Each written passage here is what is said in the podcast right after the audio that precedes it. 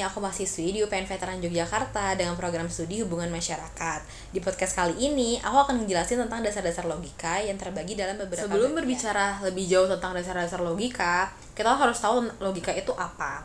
Jadi, logika secara etimologis berasal dari kata logikos, bisa dari bahasa Yunani, logos logike, Latin logica, Inggris logic, Prancis logic. Logos sendiri memiliki arti suatu yang diutarakan, suatu pertimbangan akal, kata, percakapan, atau ungkapan lewat bahasa. Juga dapat diartikan secara singkat sebagai perkataan atau sabda. Dapat juga sebagai ide atau akal. Sedangkan logike, seni berpikir, atau pikiran para ahli itu sangat penting terhadap dasar-dasar logika ini. Seperti Aristoteles yang mengatakan logika adalah ilmu untuk membuat penyimpulan yang tepat. Lalu ada Harley yang mengatakan logic may be defined as the science that evaluates arguments.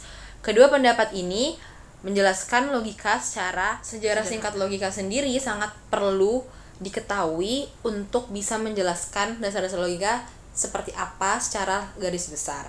Jadi sejarah ini dimulai ketika Yunani kuno, Aristoteles dianggap sebagai ayah logika karena ia itu sukses memisahkan logika dari filsafat secara keseluruhan. Aristoteles sendiri menemukan kriteria sistematis untuk menganalisis dan mengevaluasi argumen-argumen. Aristoteles meninggalkan enam buku bernama To, to Organon yang menjadi pegangan untuk mempelajari logika sejak abad pertengahan hingga modern.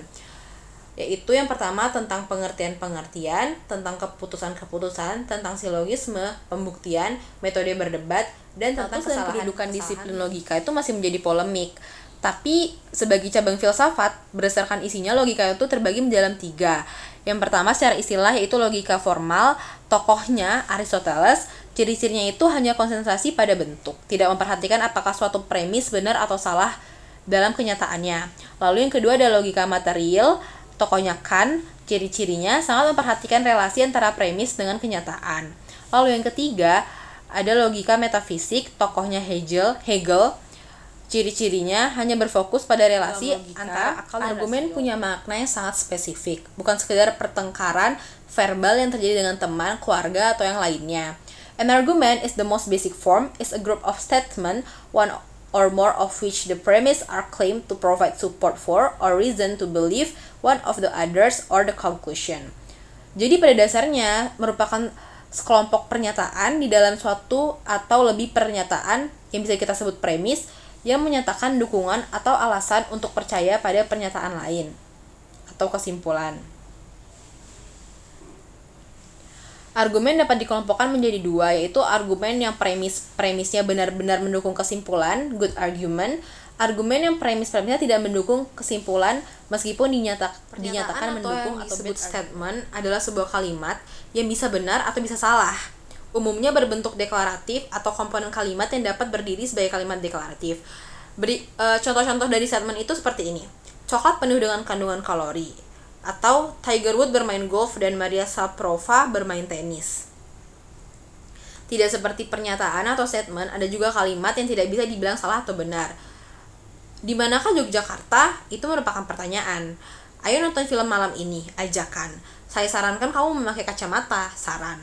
Mematikan TV sekarang juga, perintah. Luar biasa, seruan. Jadi, mengidentifikasi argumen itu harus dilakukan dengan cermat karena dalam kehidupan sehari-hari orang biasa mencampur pernyata- pertanyaan dengan bukti. Lalu Anjuran dengan pernyataan dan penjabaran yang merupakan elaborasi dari sebuah kalimat. Pernyataan yang mengembangkan gagasan tapi tidak bertujuan untuk membuktikan sesuatu. Selanjutnya ada ilustrasi yaitu pernyataan umum mengenai sebuah subjek dengan contoh-contoh spesifik. Ekspresi yang dilibatkan satu atau lebih contoh dengan maksud penunjukan sesuatu untuk menggambarkan atau menggambarkan cara sesuatu itu dilakukan. Eksplanasi atau penjelasan hanya menjelaskan mengapa suatu terjadi atau sebab apa atas keja- kejadian itu. Tidak mencoba atau membuktikan bahwa itu fa- fakta itu benar atau enggak. Jenis pernyataan ini sering keliru dengan argumen. argumen. Jadi banyak yang ngira kalau orang menjelaskan itu berarti dia berargumen padahal dengan berargu dengan ber, dengan mengexplain explanation itu bukan berarti dia memberi argumen dia hanya menjelaskan yang terjadi ketika itu atau saat itu. Lalu ada conditional statement yang dapat diubah menjadi argumen jika mengubah bentuk kalimatnya. E, seperti contohnya tuh gini. Hmm, jika jika Joko Widodo terlahir sebagai warga negara Singapura maka ia nggak bisa jadi presiden Indonesia. Nah bentuk argumennya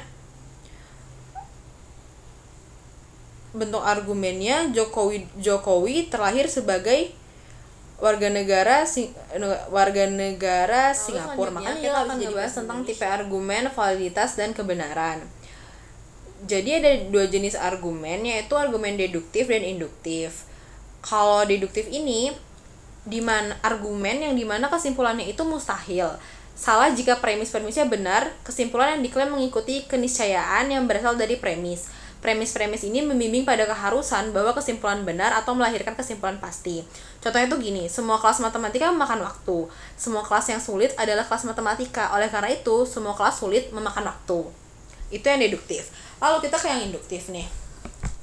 Induktif itu sebuah argumen di mana kesimpulan tidak mungkin salah jika premis-premisnya benar. Kesimpulan yang diklaim mengikuti kemungkinan atau probability dari premis. Premis-premis ini membimbing pada kemungkinan bahwa kesimpulan benar atau melahirkan kesimpulan berupa kemungkinan. Contohnya Socrates adalah orang Yunani. Kebanyakan orang Yunani makan ikan. Oleh karena itu, Socrates dengan program studi humas sebuah masyarakat semua hal termasuk dasar-dasar logika ini harus memiliki hubungan dengan komunikasi logika, komunikasi dan logika karena hal itu yang akan ngebantu praktisi humas e, menerapkan ketika bekerja terhadap dasar-dasar logika ini.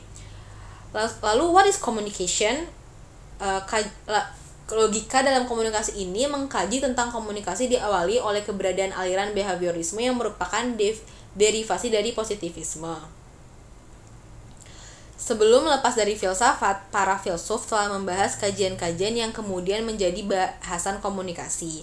Teori pikiran, bahasa, komunitas, dan wacana, kajian retorika, retorika terbagi menjadi dua. Eh, ya terbagi menjadi dua yaitu teori pikiran, bahasa, komunitas dan wacana dan kajian retorika, filosofi Yunani dan Romawi. Retorika sendiri kemampuan meninjau sarana yang dapat digunakan untuk membujuk persuasi dalam berbagai keadaan.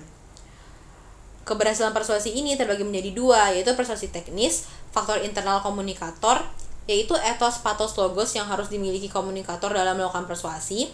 Lalu ada persuasi non teknis atau faktor eksternal komunikator saksi, bukti, dokumentasi yang kemungkinan komunikator mempersuasi dengan mudah. Uh, mudahnya ya, gampangnya retorika ini tuh sebagai segitiga. Logos, ethos, pathos. Logos are logic, reason, proof. The main techniques of logos is structure of the speech, opening, body, conclusion, reference to studies, statistic and case studies, comparisons, analogies, and metaphors. Lalu ada ethos yang yang dijelaskan dengan mudah credibility or trust. Main tekniknya ada personal branding, confidence in delivery, sets credible source. Lalu ada pathos, emotion or values dengan main teknik stories, inspirational quotes, dan vivid language. Dalam logos eh, dalam logos, retorika ini berjumpa dengan logika. Antimem adalah substansi persuasi retoris, namun antimem tidak ditentukan kesahihan kebenarannya dan kebenaran ini tanpa meragukan menjadi silogisme. Misalnya saya suka orang itu karena dia ramah, kesimpulannya saya suka orang itu, premisnya karena dia ramah. Gabungan atas beberapa kalimat membentuk suatu argumen disebut silogisme. Dalam logika Arist Aristotelian, premis diharuskan berjumlah dua, premis mayor dan premis minor. Karena silogisme di atas hanya satu premis dan mengarah langsung ke kesimpulan, maka silogisme yang disebut dengan entimem ini dinyatakan sebagai silogisme tidak sempurna.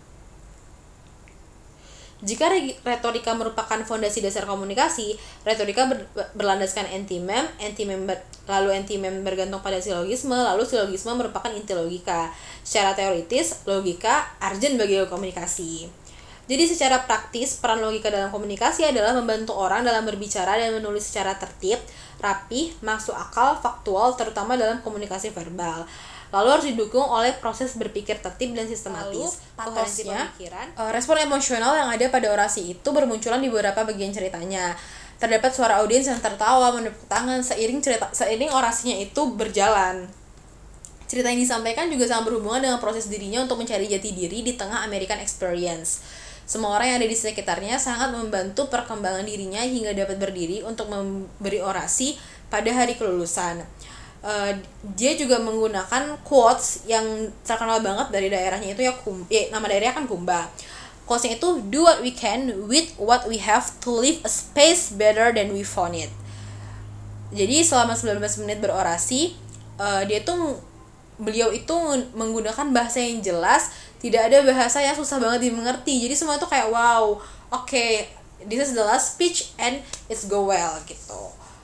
Analisis etos logos patos yang tugasnya itu tuh beneran membuat kami mahasiswa itu kayak oh ini loh ternyata bukan sekedar teori aja tapi kami kayak pasti ada sesat sesat pikir atau sesat berpikir sesat berpikir ini itu proses penalaran atau argumentasi yang sebenarnya tidak logis, salah arah, dan menyesatkan.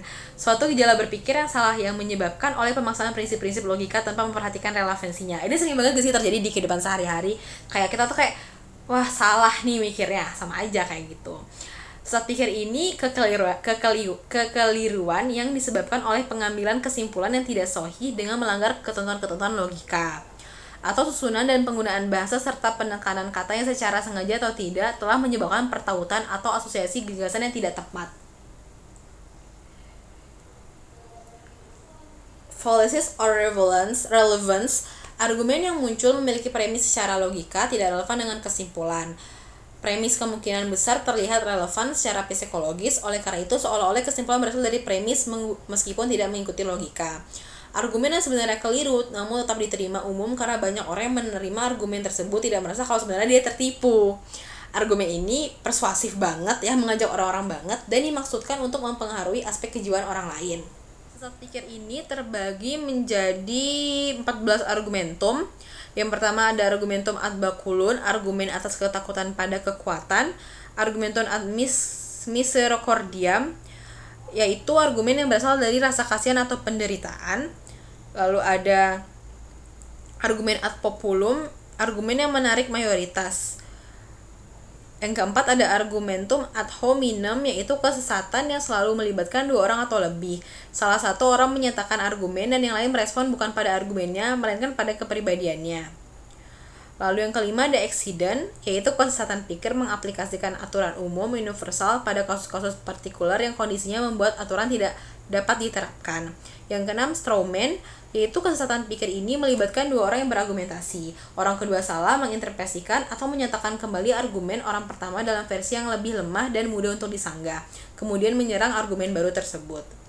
Yang ketujuh, ada missing the point atau bahasanya ignoratio elenchi, yaitu konklusi yang tidak relevan diakibatkan oleh argumen yang sebenarnya disusun dengan maksud untuk membentuk sebuah kesimpulan khusus, diarahkan untuk menjelaskan kesimpulan lain yang justru berbeda dengan yang dimaksud. Yang kedelapan ada red herring, yaitu kesalahan yang sangat dekat diasosiasikan dengan ignorito elenchi. Red herring ini terjadi ketika seorang yang berargumen mengalihkan perhatian pembaca atau pendengar dengan merubah subjek ke subjek lain yang berbeda namun terkadang masih berhubungan.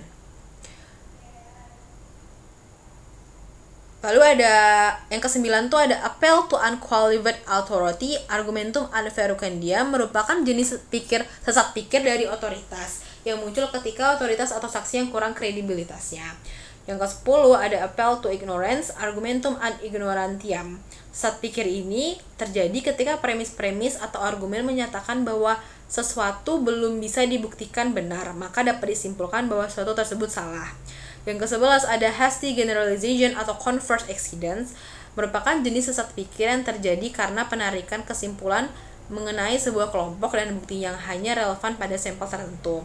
Yang ke-12 ada false cause, yaitu jenis sesat pikir yang hubungan antara premis, premis dan kesimpulan bergantung pada hubungan sebab akibat yang hanya berupa bayangan atau bergantung pada sesuatu yang kemungkinan memang tidak ada atau tidak eksis. Yang ke-13 ada slippery slope, Jenis sesat pikir ini muncul ketika kesimpulan dari sebuah argumen mengandalkan pada rangkaian atau rantai reaksi di mana tidak ada bukti yang cukup bahwa rantai reaksi tersebut akan terjadi. E, 14 yang terakhir itu ada weak analogy. Sesat pikir ini terjadi jika kesimpulan bergantung pada kehadiran analogi atau kemiripan antara dua hal atau situasi. Jadi itu semua Namun penjelasan tentang dasar-dasar logika yang aku aku jelasin dari podcast di dalam podcast ini. I'm so sorry if I'm look so amateur karena emang this is the first time for me semoga bisa lanjut di podcast podcast lainnya. Sekali lagi makasih banget